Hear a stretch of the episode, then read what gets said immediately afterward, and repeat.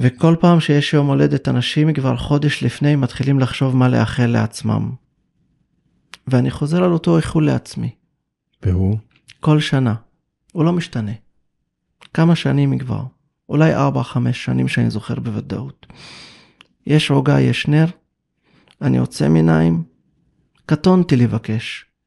מי אני שאני אגיד לאלוהים או לבריאה מה אני, מה אני, מה אני והרצונות שלי בכלל. אני עוצם עיניים, אומר לו, תעשה בי כרצונך. וואו. שאני אהיה שליח, שליח ישר, שליח טוב. תעשה בי כרצונך, ומה שצריך לקרות יקרה.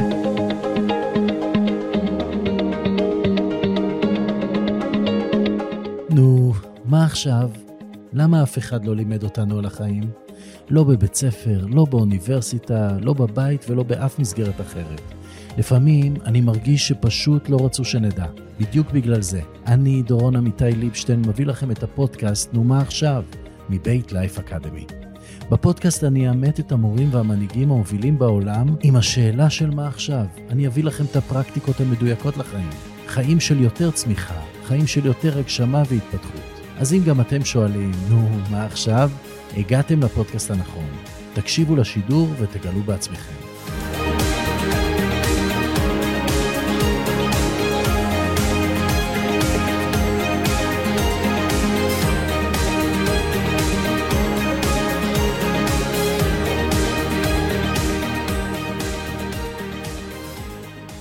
ג'אבר היביש, איזה כיף שאתה פה. שלום דורון.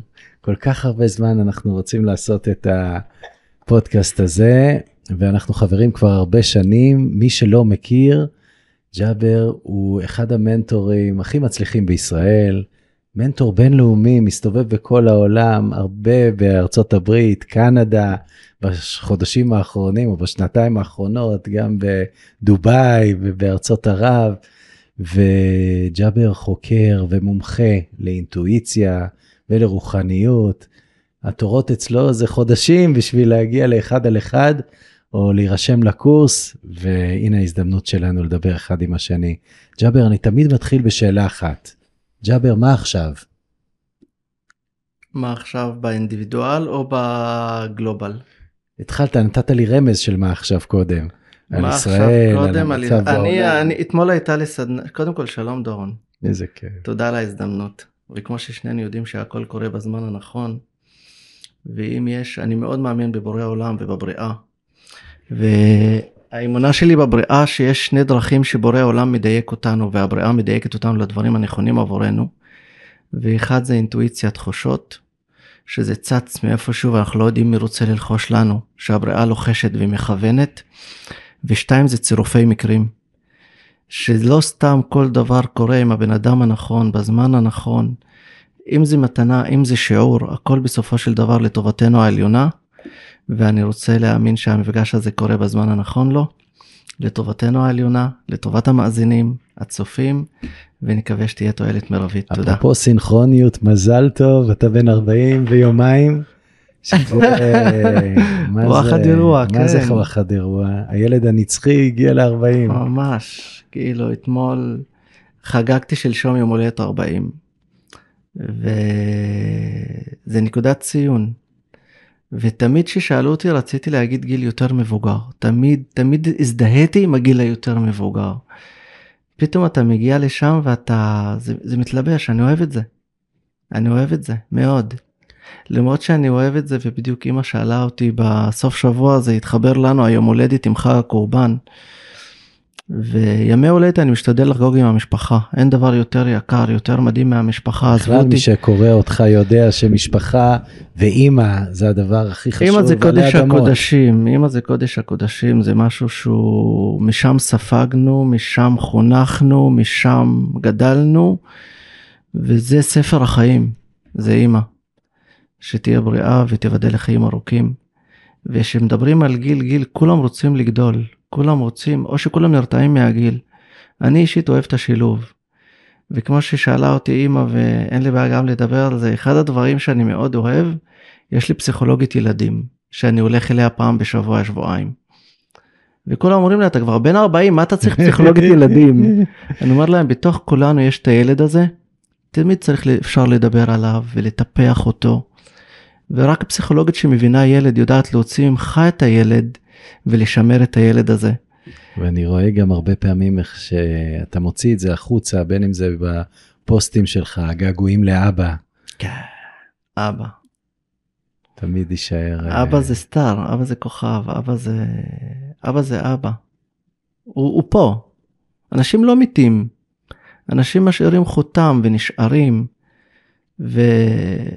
ויש אחד הדברים שאני מאוד דוגל בהם בחיים, שכולם רוצים להדר את עצמם ולהדר את האחרים ומה יש לו ותראו לאן הגיע ואיזה הישגים ומה קנה ואיזה... ואני תמיד אומר, כלום לא שלנו בעולם הזה, כלום. גם האיברי גוף שלך, אתה יכול ללכת עכשיו ברחוב, נכנס לך משהו לעין, מוציאים לך את זה, את העין. והילדים שלך לא שלך, יכולים לצאת החוצה חס וחלילה תאונה והילד לא חוזר. והבית או האוטו והרכוש, טעות עסקית הכי קטנה ותוך חודש זה לא שלך, כונס נכסים.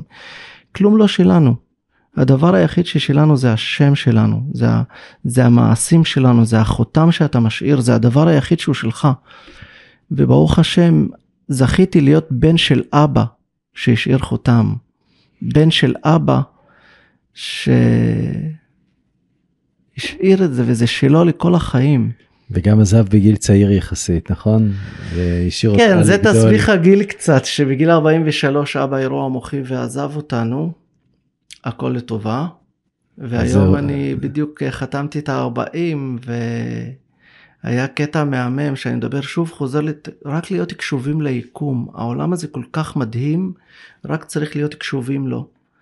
וכשנסעתי, אבא שלי היה בחיפה באיזה מסגרת מסוימת בגיל 40 שלו. ונסעתי לחגוג איתו יום 40. וואו. כן. ותמיד כשאני נוסע לירכא, אני נוסע דרך מנהרות הכרמל. וביום הולדת שלי שנסעתי לכפר, נסעתי דרך העיר התחתית. אני מדבר עם ענת חליפה, אחת החברות הרוחניות שלי, ושאני מאוד אוהב ומעריך, ואני אומר לה, יואו, תקשיבי, אני בן 40 ואני לא יודע למה לא נכנסתי מנהרות הכרמל, אני מדבר איתך, המשכתי דרך העיר התחתית, ואיזה קטע, אבא שלי היה פה. וגם יש שם את הבית חולים שאבא שלי נפטר בו, ואז אני מסתכל מצד שמאל, תקשיב, באור עיניי, בן אדם נוסע ברכב, קופי אבא. יואו. אני אומר לה, ענת, שנייה, שנייה, כאילו שנייה, אני אליך. פותח את החלון, אני אומר לו, סליחה, סליחה, אבא שלי מת בבית חולים פה ואתה ממש דומה לו. הוא אומר לי, זה אמור להגיד לי משהו? אמרת לו, לא, לא, סתם. כל כך רציתי... תגיד לו הפוך, זה אמור להגיד לי. וואי, כל כך רציתי לצלם אותו, לקחת תמונה, ענת אומרת לי, תצלם, תצלם, אני אומר לה, לא, אני מתבייש, סגרתי את החלון, איך לצלם? וזה המקום שהאמונה קיימת. ואתה חי שזה קיים, היקום מביא לך את זה. זה הסוד. ג'אבר, המתנה של הרוח והמתנה של החיבור, מתי אתה פוגש אותה בפעם הראשונה? אני יודע, למי שלא יודע, שירתת בחיל האוויר, קצין, הצלחה פנומנלית. כן, ברוך השם, עד גיל 30 הייתי סרן, מינו, אה, סרן כתף, אה, מינוי רב סרן בחיל האוויר, קצין מצטיין. תואר ראשון מנהל עסקי מערכות מידע, התחלתי תואר שני במערכות אה, מנהל עסקי מערכות מידע, תואר שלישי רפואה משלימה ואנרגטית. ברוך השם, הגעתי להרבה פסגות בגיל מאוד מאוד צעיר. וממתי אתה יודע על החיבור? ומאז שהייתי ילד קטן, כל מה שרציתי זה להסתכל על אנשים ולהגיד להם, למה לא ככה? אולי תעשו ככה. אולי זה יצליח לכם יותר. מסתכל על ואומר לאבא, אתה יודע שהחברים שלך זה זוג לא מוצלח, הם לא יישארו ביחד? ג'אבר, כן, זה לא, זה לא נראה שזה עובד, זה, זה, זה, זה בתחושות. יש דברים שכמה שאנשים מנסים, אתה מסתכל ובתחושות שלך, אתה רואה אם זה על גל של הצלחה או לא על גל של הצלחה, זה יעבוד או לא יעבוד, זה לשם או לא לשם, זה קורה או לא קורה. לא צריך להיות מומחה גדול, זה צריך רק להיות טיפה בכאן ועכשיו, ולנטרל את השכל ואת הרגשות ומה יגידו, ואני פשוט תמיד אמרתי את הדברים. הסתכלת על אנשים וניגשתי. ואם הייתי בא לבית ספר ומאז שהייתי ילד, גם ביסודי, גם בחטיבה וגם בתיכון, יושב ראש מועצת תלמידים, בכדי לעזור. בכדי להסתכל ולבוא ולהגיד, משהו בבית שלכם לא בסדר, אתה לא נראה לי טוב, אתה רוצה לדבר איתי, אתה רוצה לשתף אותי? הרגישות האנושית הזאת, שזה כיש... זה, זה, זה, זה, מתנה. זה מתנה, אנשים אומרים לי וואו איזה כוחות יש לך ואיזה יכולות, אני אומר כלום. היפה הוא שאתה אתה מעביר את המתנה הלאה, אתה מלמד אנשים איך להתחבר לאינטואיציה שלהם, איך להתחבר לכוחות הפנימיים, איך לעשות את זה בעצמם. אני ראיתי אותך עושה את זה בארצות הברית, ממש בסנטה מוניקה, הזמנת אותי לראות אותך מעביר uh, קורס כזה, ואני יודע שאתה עושה את זה בכל מקום בעולם, זאת אומרת, לכולנו יש את היכולת הזאת, ג'אבר? כמו שאתה נולד עם יצרים, כמו שאתה נולד עם רגשות בלב, צ'קרת הלב, כמו שאתה נולד עם אה, מחשבות, אתה נולד עם תחושות. ולפי כל המניעים האנרגטיים שמניעים אותנו בחיים ומאפיינים אותנו בחיים, הדבר היחיד שיש לו שני מרכזי אנרגיה בתוך ההילה שלנו, בתוך הקיום שלנו, זה התחושות והאינטואיציה. ההישרדות, צ'קרת הבסיס זה צ'קרה אחת, מניע אחד, מרכז אנרגטי אחד שיושב על הישרדות ועל כבוד בסיסי. השנייה היצרים, היצרים ולא המין, בכוונה אני קורא לזה היצרים ולא המין, mm-hmm. למרות שבכל הספרים קוראים לה צ'קרת המין, אני ממש מתנגד לצ'קרת המין, כי זה לא רק מין. צ'קרת היצרים יש בה את יצר ההצלחה, יצר הנקמה, יצר הרעב, יצר הצמאון, יצר המין, ויצר הניקיון, יצר האסתטיקה, יש המון יצרים באותו יצר. הצ'קרה השלישית, המניע השלישי, המרכז השלישי, שזה צ'קרת הבטן, מקלעת השמש. שהיא המתוקה והמהממת, שמונתה על התחושות, והכל תחושות בטן. ושאנשים באים ואומרים לי, ג'אבר, איך לחשוב? אני אומר, תחשבו דרך השכל, דרך הראש, ותשלבו את הבטן. כי בורא העולם חנן אותנו בשתי מוחות. נכון. יש לנו מוח שכלי ויש מוח בטני. עכשיו, במראה שלהם הם זהים. המוח בראש והמוח בבטן נראים אותו דבר. המעיים, הצורה, הכל נראה אותו דבר. בתהליך של בריאה שתינוק נולד, לידה טבעית, לא לידה תל אביבית בגיגית עם מחיאות כפיים. לידה של הרוב, האיבר הראשון שיוצא זה השכל המוח, אבל אין חיים עד שחותכים את חבל הטבור, עד שסוגרים את הבטן, והבטן והמוח הם שווים והם זהים. את כל מה שאתה לומד לאורך השנים, כל מה שמלמדים אותך בספרים, באוניברסיטה, בבית ספר, אתה זוכר דרך המחשב, דרך המוח, דרך השכל. את כל החוויות שלך אתה זוכר דרך הבטן. מדהים. יש לנו זיכרון בטני מדהים, יש לנו זיכרון תחושתי וחווייתי, את כל החוויות והתחושות שלנו נמצאות בבטן. אם נמשיך, יש לנו את הלב עם הרגשות, יש לנו את הגרון עם הביטוי, עם הסטיגמציה, מה לימדו אותי, מה אמרו לי. נעלה למעלה, יש את העין השלישית של לראות את הלא נראה. עכשיו, לראות את הלא נראה זה מתקשרים, וכל המיסטיקנים, ועשו על זה מיתוג גדול, ועושים על זה קורסים אדירים, בוא נפתח לך את העין השלישית, בולשיט, בחייאת רבקום. אין דבר כזה לפתוח את העין השלישית, אין אז מיל ובוא נטרג ובוא נפתח ונעשה מדיטציה ונביא אורגנוס שייכנס דרך הצ'קרה ויסתובב. שום דבר בחייאת רבקום. בפנים יש נביאה אנרגטית שכל הזמן פועלת. העין השלישית היא גם אינטואיציה. אבל מה ההבדל בינה לבין הבטן? העין השלישית זה אינטואיציה לראות את החזון, ראייה ארוכת טווח. מכיר את זה שאתה אומר ידעתי? כן. שנעלם, אנחנו עושים ככה, אף פעם אתה לא עושה ככה או ככה או נכון. ככה. היד הולכת אינטואיציה גופנית. בספר שאני כותב, אומנות ההקשבה לאינטואיציה, באומנות ההקשבה לאינטואיציה אני מסביר שם אינטואיציה גופנית. יש דברים שאנחנו מדברים, תראה, מסתכל, לדבר על אינטואיציה והכל הולך מהבטן החוצה. שאתה יש לך הברקות אתה עושה ככה. שהמחשבה השכלית מתייאשת ואין לך תשובות, מה אתה עושה כאיש החושב? האיש החושב יושב כאן, נוגע בעין השלישית. זה תחושות וזה אינטואיציה ארוכת טווח, זה ראיית חזון, זה לראות את הלא נראה לטווח רחוק. ה vision. ה vision. ה vision הוא חייב להיות גם משולב שכל. אני אומר זה בסדר. אנשים אומרים לי, ג'אבר, על מה להסתמך? על האינטואיציה, על השכל, על הרגשות, על הסטיגמות, על מה לימדו אותי? אני אומר, חבר'ה, בן אדם מאוזן, יש בו הכל מהכל. אני אפתח סוגריים ומשהו אתמול דיברתי עליו דווקא ואישה אמרה לי אני כעסנית. באמת בסדנה אומרת לה אני כעסנית מה אני צריכה את הכעס הזה. אמרת לה קודם כל זה בסדר שיש כעס. זה בסדר שיש גם אהבה. זה בסדר שיש תסכול. אין דבר שקיים בנו שהבורא ברא אותו בנו ואנחנו לא צריכים אותו. כל מה שקיים בנו נברא בנו כי יש צורך שנשתמש בו. כל עוד שהוא מאוזן. כל עוד שאנחנו לא מדכאים אותו או שנותנים לו יותר מדי ביטוי. ואותו דבר הכל. ולכן אני אומר אל תהיה אבל אך ורק תחושות. יש לך תחושות? לך תבדוק קצת, תקרא קצת, תבדוק את הרגשות שלך, מה אתה יודע, מה אתה לא יודע, תחבר את הכל ביחד ותקבל החלטות משולבות.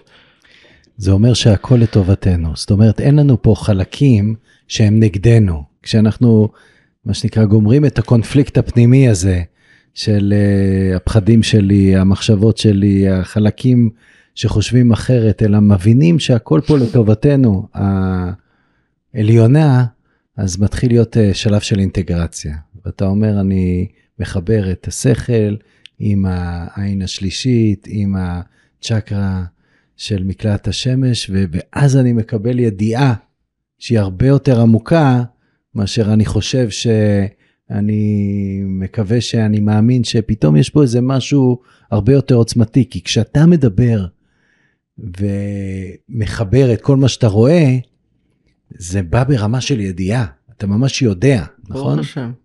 זה כיף. ו... הרי מה זה התפתחות רוחנית? ברוב התפיסות אומרים לך תבוא ותתמקד באדם ותגלה את הכל באדם. בכאן ועכשיו. המיינדפולנס. אני מכבד ונותן לזה מקום גם. התעלות רוחנית זה לא לראות רק את הכאן ועכשיו. התעלות רוחנית זה סבלנות וסובלנות. חלק מהסבלנות יש בו גם סבל.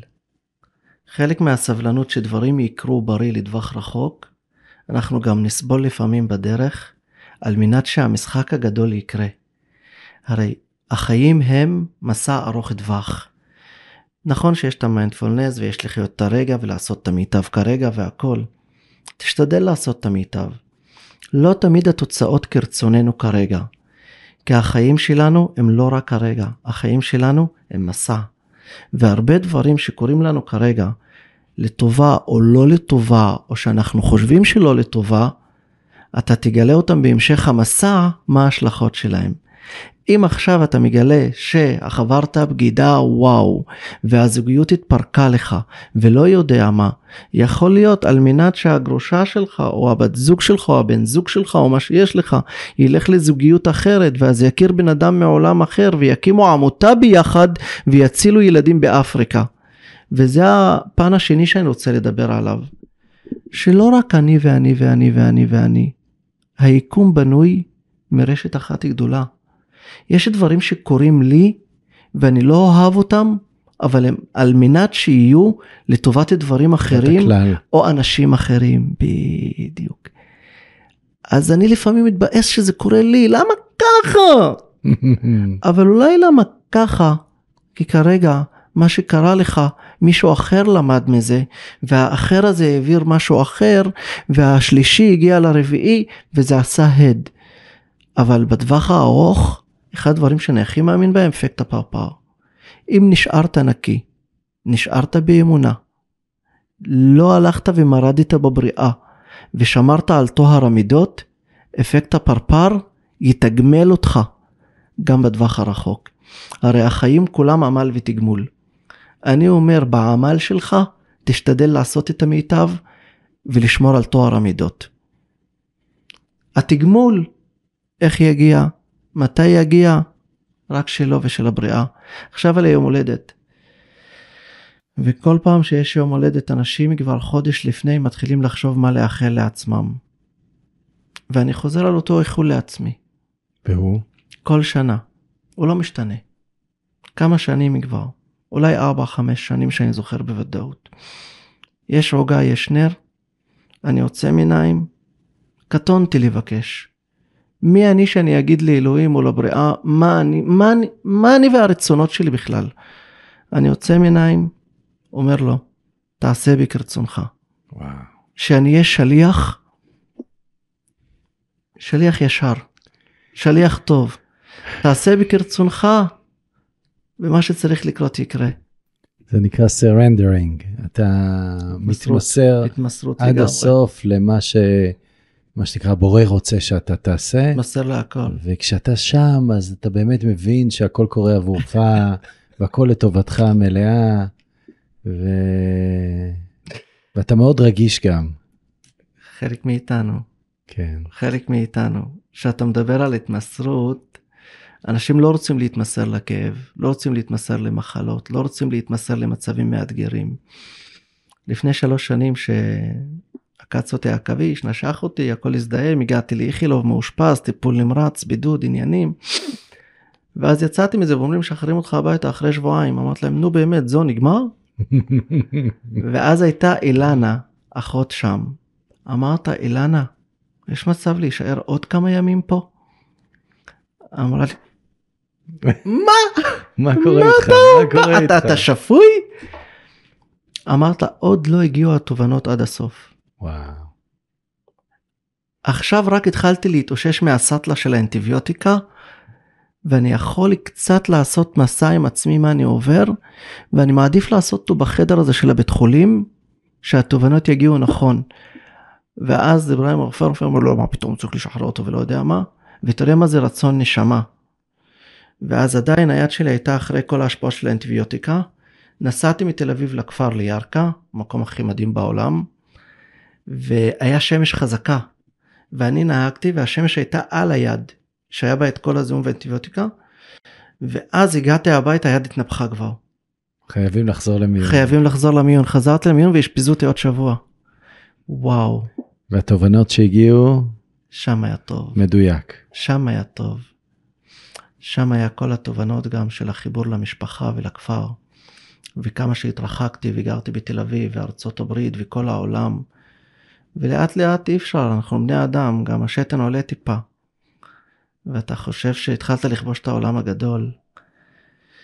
ואז הייתי צריך את הנסיעה הזאת, התובנה הגיעה שהנסיעה מאיכילוב לירכא, להיות בירכא, לחבק את המשפחה, לראות את האחיינים, ולחזור לאיכילוב.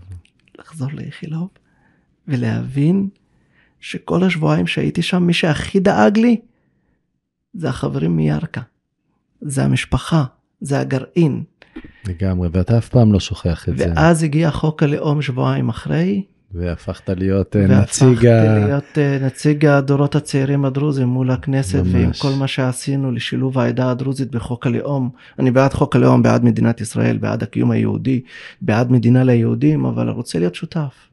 לגמרי. רוצה להיות ישראלי לנצח. שותפים, שווים. ומלאים, ונאבקת וגם רצו אותך קצת בפוליטיקה, לא, פולי... וואי. קיבלת קצת הצעות, סירבת הצעות? לכולם. קיבלתי הצעות כתובות מכמעט ששת המפלגות ה...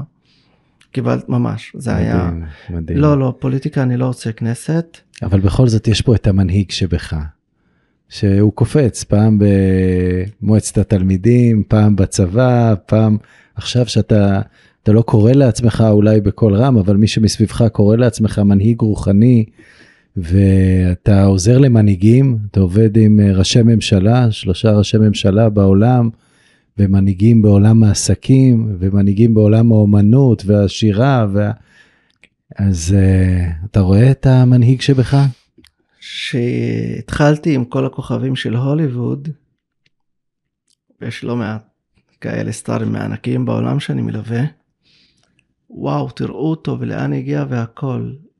אני, מנהיגות זה דבר קסום. רק חדי סגולה יכולים להגיע למעמד הזה. מי אני שאני אהיה מנהיג? מי אני בכלל? כל אלה שמתיימרים להיות מנהיגים, אתם יודעים מה זה מנהיג בהיסטוריה? אתם יודעים מה זה סגולות של מנהיג? באיזה רמה צריך להיות בן אדם בשביל להיות מוגדר כמנהיג? אני לא מנהיג ואני רחוק מלהיות שם. אבל, אבל אני יכול לקרוא ש... לעצמי, אני יכול לקרוא לעצמי משפיען. משפיען.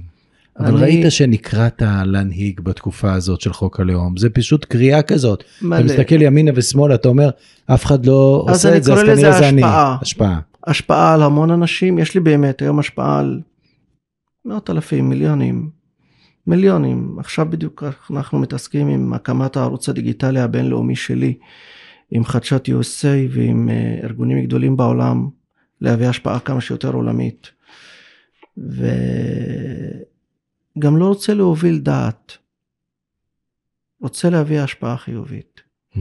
עזבו אתכם מהנהגות, עזבו מה אתכם הדבר שהכי. היית רוצה להשפיע עליו? איזה, אתה יודע, שליחות אתה רואה שיש לך בעולם הזה? כי זה באמת כבר בעולם, זה לא רק בירכא, זה לא רק אה, בישראל, זה כבר חוצה עולם. מה השליחות שלך? מה באת להביא לעולם?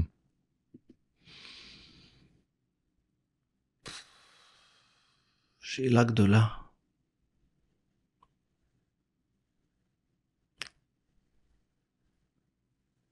יומרני להגיד, באתי להביא אור, מלא מוארים, כאילו, יש מלא אנשים מוארים ומדהימים וחכמים ממני ומוארים ממני. באתי להיות אני.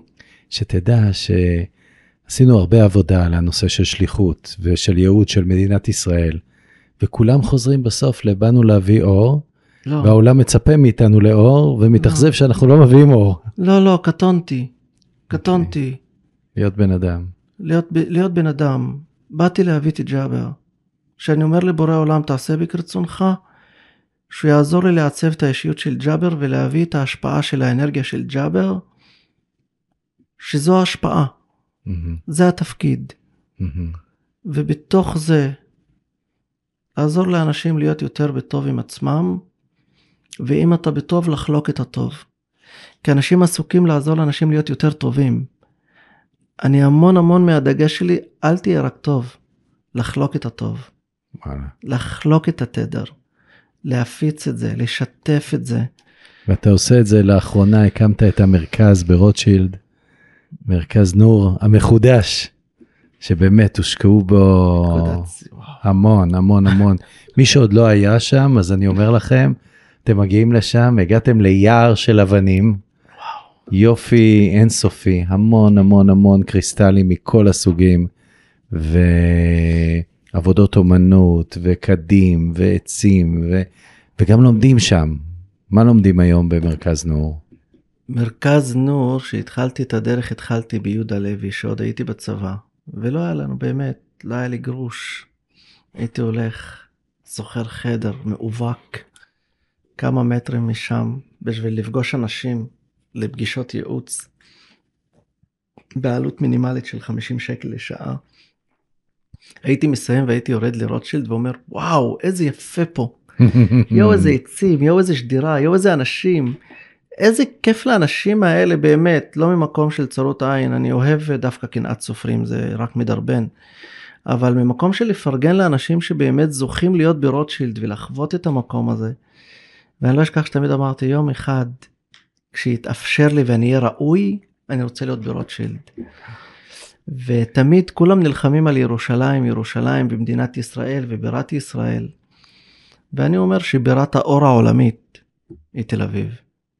יש משהו בתל אביב שכולם מקבלים את כולם, וכולם יש להם מקום, ודעה, וביחד, וסובלנות, וסלחנות, ואהבה הדדית, ואהבת חינם, ולא סתם מרוטשילד הוכרז על הקמת מדינת ישראל, מדינת היהודים. אתה די קרוב לשם, כמעט ממול. אני כמעט ממול, כן, אני ברוטשילד רוטשילד? 51. 51. ויום אחד נסעתי שם וראיתי שהגלריה התפנתה, כל הקומה התפנתה, קומה של 200 ומשהו מטר. ואמרתי, לא, ג'אבר, זה גדול עליך. אתה לא יכול להחזיק את כל המפלצת הזאת. ובעל הבית כמעט הזכיר את המקום. הסתכלתי, אמרתי, ג'אבר, זה שלך או לא שלך? ידעתי שזה שלי, עליתי אליו, דפקתי בדלת, ניסיתי לדבר, אמר לי, אמר לי את הסכום, הסכום שבאמת קשה נורא לעמוד בו. אמר לי, מה אתה רוצה לעשות? סיפרתי לו. אמר לי, מה אתה, כמו שאתה שאלת, מה אתה רוצה לעשות בעולם? אמרתי לו, בוא נהיה טובים, יש לך מספיק כסף, ויש לי מספיק ידע, ויש לי מספיק קהל, והכי חשוב, יש לי מספיק כוונות.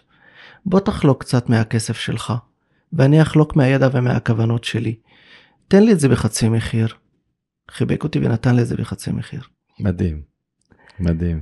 וככה קיבלתי את זה- המקום ברוטשילד. להרבה שנים. כן, עצה למי שמקשיב לנו, תנסו, תנסו, כשאתם. באים בטוב, אתם באים עם כזה אה, חיוך ורצון טוב לעשות דברים טובים, תנסו, תבקשו, תציעו. רוב האנשים לא מציעים, הם בטוחים שיגידו להם לא, והנה חצי מחיר, והמקום הוא יפהפה, קומת קרקע, ממש אה, כמה מדרגות מהרחוב, מרחוב רוטשילד, ואתה בתוך הגן הקסום הזה שאתה יצרת שם, עוצמה אנרגטית שאי אפשר לתאר מכמות הקריסטלים והאבנים שיש שם. ומה מלמדים שם היום? אה, תודה, ברוך השם, באמת מקום מאוד מאוד מאוד קסום. עשר שנים שאספתי אבנים, אבני קריסטל מכל העולם, אוצרות. כל פעם הייתי אורז מכל מדינה קרטון אחד, שניים, יש דייל ושולח לארץ. והקמתי מחסן בבית. אתה מדבר על קצת, שנייה, אני חוזר לאותה בטח. נקודה של תבקשו, תזמינו, ממש. תזמנו, תנסו. אנשים רוצים הרבה דברים. אתה יודע מה הסוד? לדעת שאתה ראוי. לדעת שאתה ראוי שזה יהיה שלך. וכשאתה מגיע לשלב שאתה יודע שאתה ראוי, הכל קורה. אישה שיודעת שהיא ראויה לזוגיות הזאת, היא תהיה. וגבר שיודע שהוא ראוי למעמד של המנכ"ל, הוא יגיע. ובן אדם שיודע שהוא הגיע ברמת הבשלות, שהוא ראוי, שיהיה לו מקום ברוטשילד, יהיה לו. תבנו את עצמכם. מדהים. בואו נטפח את עצמנו להגיע למקום. רוב האנשים שהם תקועים ולא מגיעים מספיק, לא בגלל שהם לא רוצים מספיק, כי בתוך הם לא תוכם ראויים. הם לא בדיוק לא מזדהים עם התחושה שאני ראוי. אישה שנשארת בזוגיות לא טובה, היא עדיין לא בתחושה שהיא ראויה לזוגיות בריאה וטובה. גבר שעדיין לא הגיע להיות סמנכ"ל, מנכ"ל או במקום, לא סתם הוא לא נלחם על זה, כי בתוך תוכו הוא לא מזוהה עם זה שהוא ראוי להיות בכיסא. מי שיודע שהוא ראוי להיות בכיסא, ראוי להיות במקום, ראוי להיות בסטטוס, הוא יגיע. שאלת אותי על מנהיגות, אני עדיין לא ראוי לכך. ועל זה אני- אתה עובד עם אנשים, אתה עוזר להם להרגיש ראויים כן. למה שהם רוצים. ראויים זה למה, ש... ב- ראויים למה שמתאים לסגולות שלהם, לבשלות שלהם. הרי יש את הסדנה שאני רץ איתה והיא זוכה להצלחה ענקית בארצות הברית, קנדה, סין, הודו, שהיא סדנה היסודות סודות להיות ווינר. Mm, אחרי שליוויתי כל כך הרבה ווינרים בעולם וחקרתי את האישיות שלהם, יש להם יסודות משותפים, שהיסודות האלה זה הסודות שלהם. וזה בנוי מכישרון, מאהבת המקצוע ואהבת העשייה, התמקצעות מתמידה, התמדה בעשייה, חמש האמונות, חמש ההקשבות. זה פאקג' מושלם שאין מצב, אין מצב שמי שעושה אותו ולא מגיע לווינריות. ומי שנופל בדרך אנחנו יודעים לשים את האצבע מה נפל. ותשימו לב כמה זה פרקטי, זה נורא נורא חשוב, כי אנחנו מדברים פה רוחניות, אבל זה הצלחה, זה ה- אצלי כל הרוחניות היא הנוסחה פרקטית. להצלחה, הסודות, כל. הרוחניות היא פרקטית, כמו שלקחתי את כל עולם התקשור וקוראים לו תקשור ומתקשרים והלכתי וחקרתי את עצמי מאז שהייתי קטן אומרים אתם לא מבינים באיזה רמה ג'אבר מתקשר כולם חייבים לשאול אותי ג'אבר הוא מתקשר מעולה אני אומר להם מתקשר עם מי? אני לא מדבר עם אף אחד ולא מדמיין אף אחד ולא רואה חוצנים ולא מדבר עם מלאכים ולא מדבר עם סבא שמת ואף פעם לא הייתי בסדנה שעשו לי דמיון מודרך וישבתי בשדה של הנהר ובקצה על הסלע המלאך גבריאל לבוש בלבן הופיע התחיל לדבר אין לי שום סיפור סינדרלה. גם מה שהכי יפה שאני סבא שלי זיכרונו לברכה היהלום הזה שעדיין במקומות אחרים ממשיך להשפיע על העולם הזה אני בטוח שהיה מדהים נפטר ב-27 לשישי 82 ב-12 בלילה. אני נולדתי ב-27 לשישי 12 בלילה 83 בול שנה על הדקה ברגע שיצאה את נשמתו בול שנה נשמתי נכנסה נראה קופי סבא שלי כאילו לקחו את העיניים לקחו את האף ושמו בתינוק וקראו לי על שמו.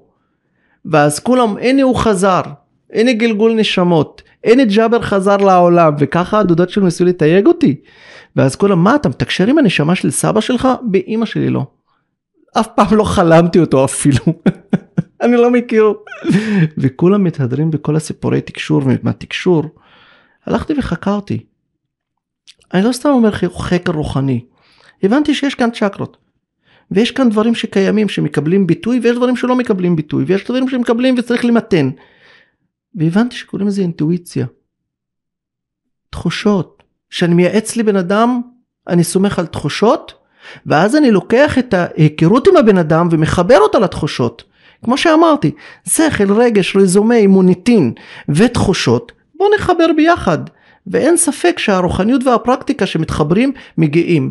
לבוא ולהגיד לי אור ואהבה ושמחה ובעזרת השם ויהיה טוב זה לא יעבוד. ללכת לעשות העצמה לבד לא יעבוד. תהיה פרקטי בלי רוחניות ובלי אמונה לא יעבוד.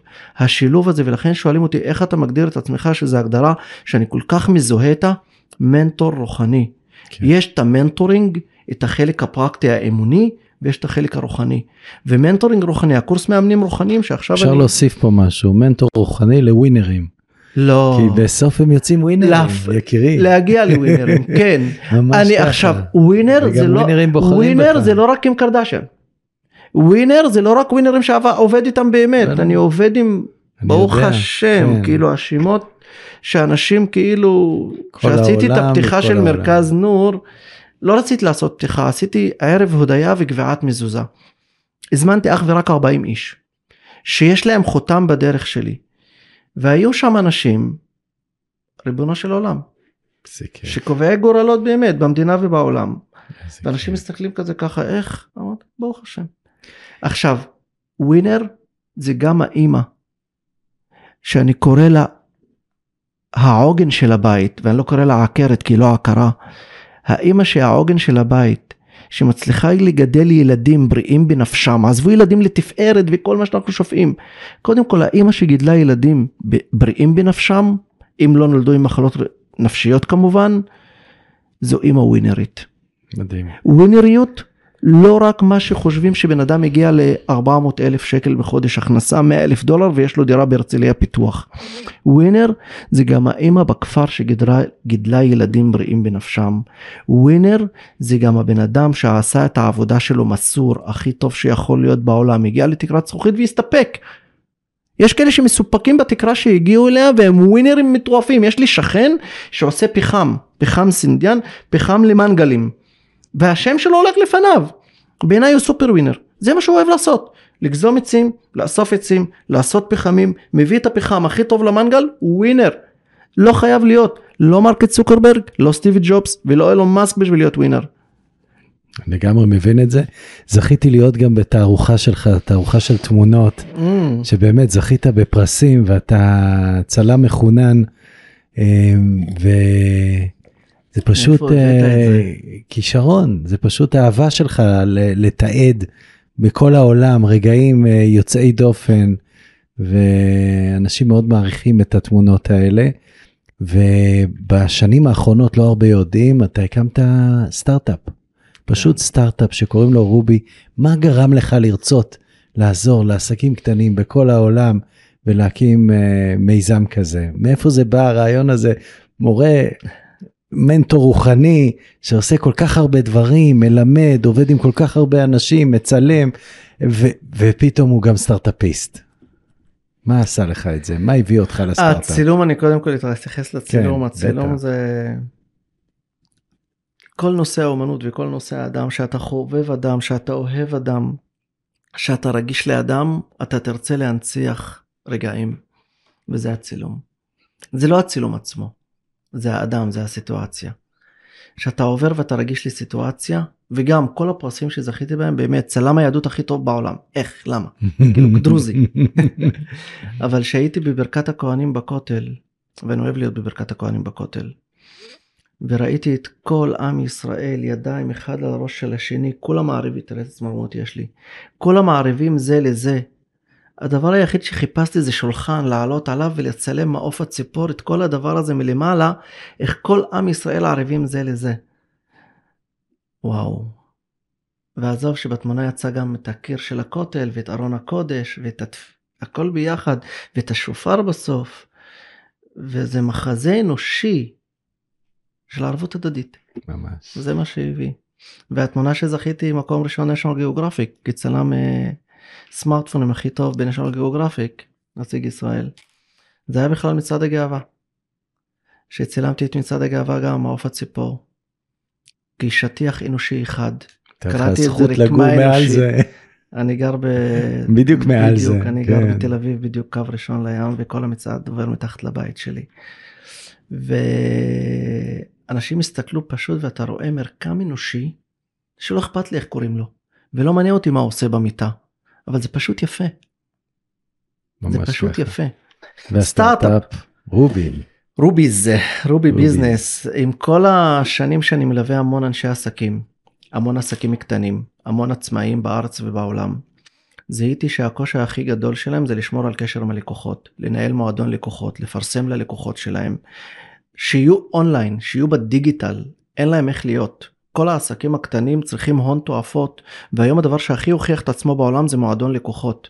וכל הרשתות הגדולות בארץ ובעולם יש להם מועדוני לקוחות אבל עסק קטן לא יכול להקים מועדון לקוחות לא יכול להיות דיגיטל כי אין לו את המשאבים אין לו את הכסף אין לו את הידע אין לו את אנשי המקצוע ואת כל מה שצריך.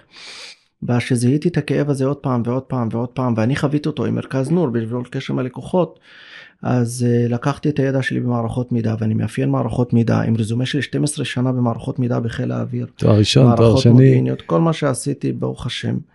ושילבתי מה שאומרים את הרוחניות ואת הפרקטיקה. הבאתי את המערכות מידע, ישבתי ואפיינתי מערכת שתיתן מענה לעסקים הקטנים והבינוניים שיכולים דרך אפליקציה מאוד פשוטה להקים מועדון לקוחות, לשווק ללקוחות, לשמור על קשר עם הלקוחות, לפרסם ללקוחות, להעלות את כל המבצעים שלהם ללקוחות, להתנהל כמו מועדון לקוחות, כמו סופר פארם, כמו המשביר לצרכן, כמו מייסיס, כמו רוס, כמו כל הרשתות הגדולות בעולם, קוסקו, אבל בתור עסק קטן באלנבי. או בכל מקום אחר. האפליקציה ברוך השם אחרי שגייסנו מאות אלפים ועברנו את המיליון דולר גיוסים, האפליקציה ברמת בשלות אחרי פיילוט, שהשקנו פיילוט בשוק לשבועיים. Yeah. אמרתי אני מוציא פיילוט שבועיים בלי פרסום בלי כלום, מעל 260, 260 עסקים הצטרפו תוך שבועיים, והיום חברות גדולות ואנשים גדולים אה, כבר אה, שמו עלינו עין. ובעזרת השם אנחנו במשא ומתן עם כמה גורמים לשיתופי פעולה גדולים לפריצת פריצה מאוד משמעותית בישראל, עם כמה מדינות בעולם שאנחנו כבר במשא ומתן לשיתוף פעולה.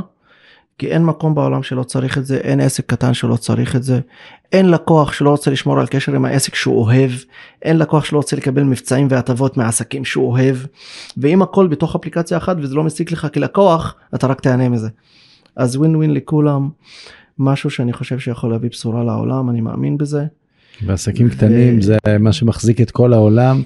וכמה יש במדינה וכמה הם מאותגרים כן. וזה מתנה ענקית. יש בישראל 400 אלף בתי עסקים קטנים ועצמאיים. יש בישראל מכוח ההכנסות של מדינת ישראל בהכנסות של השכירים מעל 60 אחוז מועסקים בעסקים קטנים ואצל עצמאים. עכשיו אנחנו לקראת סיכום דיברנו בהתחלה על התקופה המאתגרת הזאת במדינת ישראל. כן. אתה בחרת במדינה הזאת כבית. רוצים אותך בהרבה מקומות בעולם ואתה חוזר כל פעם הביתה לכפר, לא סתם בביתה, אפילו שאתה גר בתל אביב ואתה אוהב את הכפר. מה אתה רואה למדינה שלנו? מה אתה רואה בתקופה הזאת אה, קורה פה? בית וכפר, פעם אחת הייתי בצבא. אני בדרך לדירה, מתקשר לאמא. מה קורה? מה העניינים אמא? סבבה, איפה אתה? אני בדרך הביתה. אומרת לי, אה, אתה בא? אמרת לה, לא, לדירה. אומרת לי, ביי. מה ביי? תתקשר שוב תתקן את עצמך. אני אומר לה מה קרה? אומרת לי הבית הזה בירכא. בתל אביב יש לך דירה. ולא משנה כמה כסף יהיה לך וכמה דירות תקנה ותשכור זה יישארו דירות. גם אם זה יהיה בית קרקע זה יישאר הדירה. הביתה אתה תגיד אך ורק על הבית שלנו פה בירכא. וכל כך צודקת. הביתה יש רק אחד. כן. מדינת ישראל אהובה ויקרה. הבורא שומר. זו מדינה עם שמירה עליונה. אה, מנהיגות בסדר בסך הכל, כמו בכל מנהיגות שאפשר למצוא את הפגמים ויש פגמים ולא מעט פגמים. אף פעם השלטון לא יהיה מקובל על כולם, והמון ממה שהשלטון הנוכחי עושה היכה בי אישית עם חוק הלאום, עם חוק קמינסקי, עם מה שקרה לדרוזים ברמת הגולן. אבל חשוב לקבל בסוף את הכל בהבנה ובהידברות. אנחנו הולכים למקומות לא טובים במדינת ישראל. Uh, הרבה התעסקו לאחרונה עם השאלה למה לעם היהודי לא קרו ניסים לאחרונה. הרי כל ההיסטוריה היהודית מושתתת על ניסים וגילויים. אני חושב שהיה נס אחד לעם היהודי ולמדינת ישראל שלא ניצלנו את זה נכון, קוראים לזה נפתלי בנט. שנס אחד גדול, כל השבעה מנדטים, נהיה ראש הממשלה, בן אדם שאוהב את הבורא, הכל, אני יודע שיגידו, מה ג'אבר אומר? אני מכיר את הבן אדם, מכיר את הדרך. ואת הנס הזה אנחנו לא הערכנו ופשוט רמסנו. ואני מקווה שיקרו עוד ניסים. אולי נחזיר עטרה אה, ליושנה. אבל אני לא מצפה נחת במדינת ישראל ואני לא מצפה נחת לעם היהודי כי זה גזירת העם היהודי. זה לא עם שחי נחת. זה עם שצומח מתוך הקושי. וזה עם שצמח מתוך האתגרים. וזה עם שהגדולה שלו והווינריות שלו וכל הסטארט-אפים שלו מתוך הקושי, הרי מה זה סטארט-אפ? איך אתה נהפך מעצמה של הייטק וסטארט-אפ? אתה מזהה צורך, מזהה קושי ונותן מענה לקושי. אם אין קושי או צורך אין מענה ואם אין מענה אין סטארט-אפ ואם אין סטארט-אפ לא היינו ישראל. ואנחנו מעצמה של לחימה. וכלי נשק אז אם לא היו מאיימים עלינו לא היינו מפתחים את הכלים האלה ולא כיפת ברזל והיינו מוכרים את הדברים האלה. וברגע שאני כדרוזי פשוט קשרתי את גורלי וכרכתי את גורלי ואת חיי בגורל העם היהודי, אני צריך להבין שאני חי במדינה שנחת אני מאחל אבל אני מאוד פרקטי ופחות יכול לצפות נחת וחיים של נחת. אני עדיין ממשיך לצפות אתגרים, לראות אתגרים, עליות וירידות, עם אמונה שהכל משחק אחד גדול ולטובתנו העליונה. ארצות הברית תמיד תמיד תהיה בצד שלנו וכל אלה שחושבים שהמכסים של ביבי וביידן ומה קורה ובלה בלה בלה חבר'ה בואו נרגיע את הפאניקה. ארצות הברית מונעת מכוח יהודי. אם תלכו לווגאס והדלסונים ובאלי הסבן וכל החבר'ה וה-AC ואת כל מנהטן וניו יורק כל יהודי סוריה וכל היהודים ששולטים בתעשייה ותמיד תמיד הממשל האמריקני לא ינטוש את מדינת ישראל כי היהודים שם יגידו לו אה תיזהר. וזה אנחנו בידיים טובות ואנחנו אנשים חכמים ואנחנו המוח היהודי הוא מוח מבריק אני תמיד אומר המוח היהודי המוח המבריק והברכה שלו זה הדרוזים שאיתו. ממש ככה. ואני אמרתי ושלחתם ביבי קיבל ממני את המסרים הזה יותר מפעם ביום שהתחלת לדרוך על הדרוזים הברכה שלך מתחילה לזוז. העם הדרוזי הוא העם שיש בו טוהר מסוים שאיפה שהוא נמצא הוא רק מרים מעלה. אל תדרוך על הקמע. איזה יופי. תשתף מרגש. פעולה ותמשיך. ואני רוצה להמשיך להיות הדרוזי הכי ישראלי בעולם. מדהים. ולעולם אני... לא אעזוב, ויש לי הזדמנות לקבל ויזה O1 בארצות הברית, אורח כבוד של נשיא ארצות הברית תוך יום. אני לא רוצה. אני לא עוזב את תל אביב ולא עוזב את ירכא ולא עוזב את המדינה. זה זכות להיות פה. ג'אבר, תמשיך לקרוא לעצמך משפיען, אבל ראינו עכשיו את המנהיג שיוצא מתוכך.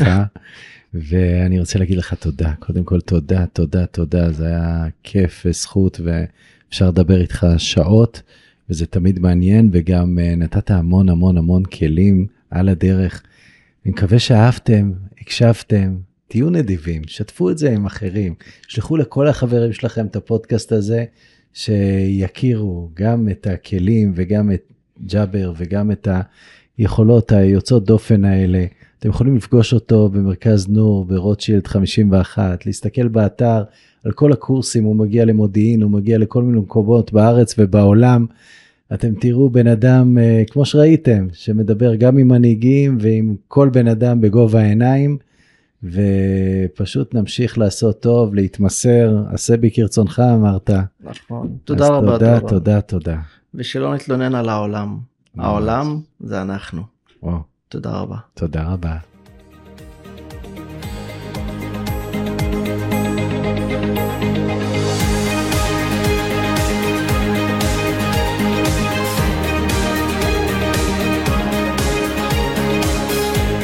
טוב חברים, הגענו לסיומו של עוד פרק בפודקאסט, נו מה עכשיו?